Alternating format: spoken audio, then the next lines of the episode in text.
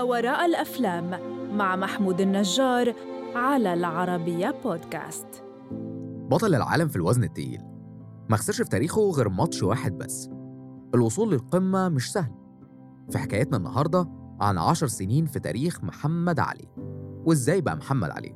ده اللي بيحكي عنه فيلم علي فأهلا بيك في حلقة جديدة من بودكاست ما وراء الأفلام المقدم من العربية بودكاست.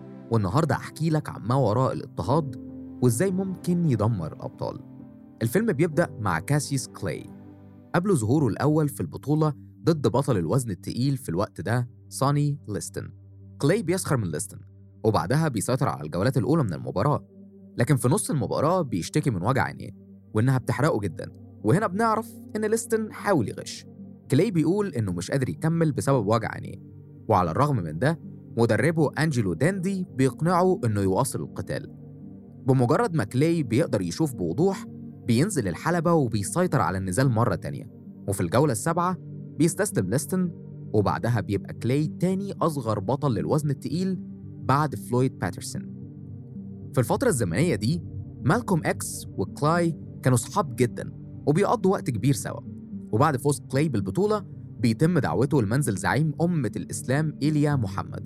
وهنا بيطلقوا عليه اسم محمد علي. تغيير اسم كاسيوس كلاي لمحمد علي خلى والد كلاي متعصب ورافض ده تماما بس كلاي حافظ على اسم محمد ودخل الإسلام.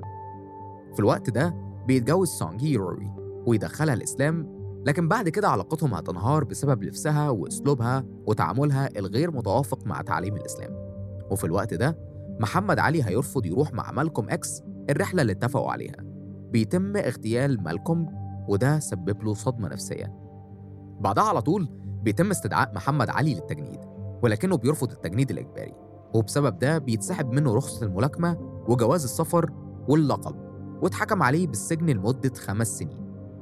علي بيتجوز بليندا بويد وبعد توقف تام لمدة ثلاث سنين بتتلغي إدانته وهيرجع للحلبة تاني وهيواجه جيري كواري وفاز بالضربة القاضية في الجولة رقم ثلاثة بيحاول محمد علي استعادة بطولة الوزن الثقيل ضد جو فريزر في معركة القرن.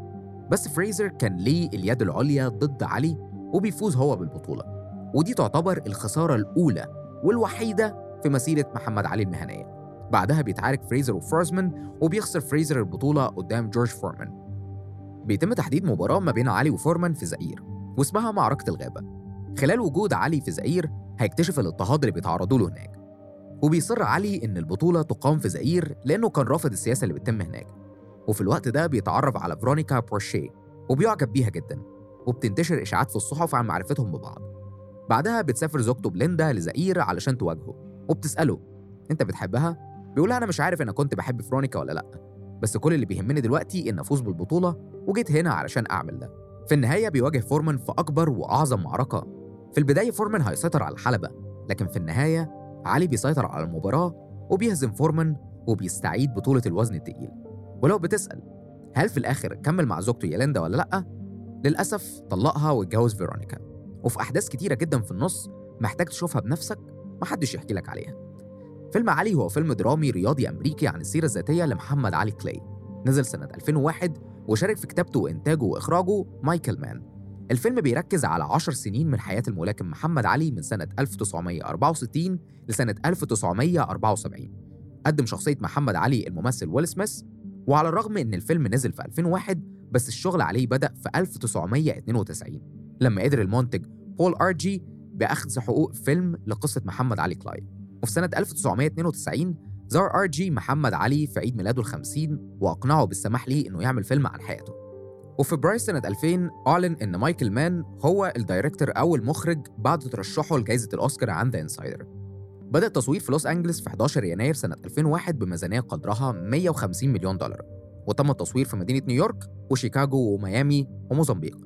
لما الفيلم نزل تلقى ويل سميث وجون فويت ترشيحات لجائزة الأوسكار لأفضل ممثلين. الفيلم أظهر شخصية محمد علي بالشخص السيء السمعة وبالذات مع السيدات. اتجوز مرتين جوازات ما كملتش كتير وخسر زواجه الأخير بسبب معرفته بواحدة تانية. بس الكل بطل مميزات وعيوب محمد علي ألقى الضوء على حرب فيتنام. وكان بيدافع عن قضيتهم محمد علي شخصية متمردة جدا ما تقدرش تهزه عن قراره واثق في اللي بيعمله وبينفذ اللي بيقوله محمد علي بيقول If you want to die, I will die right here, right now, fighting you. If I want to die, you, my enemy, not no Chinese, no Viet Cong, no Japanese. هو مستعد يعمل أي حاجة علشان يحقق اللي في دماغه حتى لو ده هيتسبب في موته. وعلى الرغم إن الفيلم أظهره كشخص متعجرف بيسخر من كل أخصامه إلا إنه كان مقبول بسبب قوة محمد علي. من أشهر المقالات اللي قالها قدام الصحافة قبل تحديه الأخير Fly like a butterfly, sting like a bee, his hands can hit what his eyes can see. ما تقدرش تضرب اللي أنت مش شايفه وده كان كناية عن مدى سرعة حركة محمد علي جوه الحلبة وبالفعل هو كان قوي وسريع جدا وبيقدر يهزم أخصامه وما خسرش في مسيرته كلها غير مرة واحدة بس فيلم محمد علي من الأفلام اللي كلها صراعات. صراع ما بين السود والبيض ما بين الحكومات وصراع على السلطة. فيلم هياخدك في رحلة لمدة عشر سنين في حياة واحد من أشهر أبطال الملاكمة في العالم. شوف الفيلم دلوقتي وشاركني رأيك فيه على السوشيال ميديا واستناني الحلقة اللي جاية في بودكاست مهارة الأفلام المقدم من العربية بودكاست.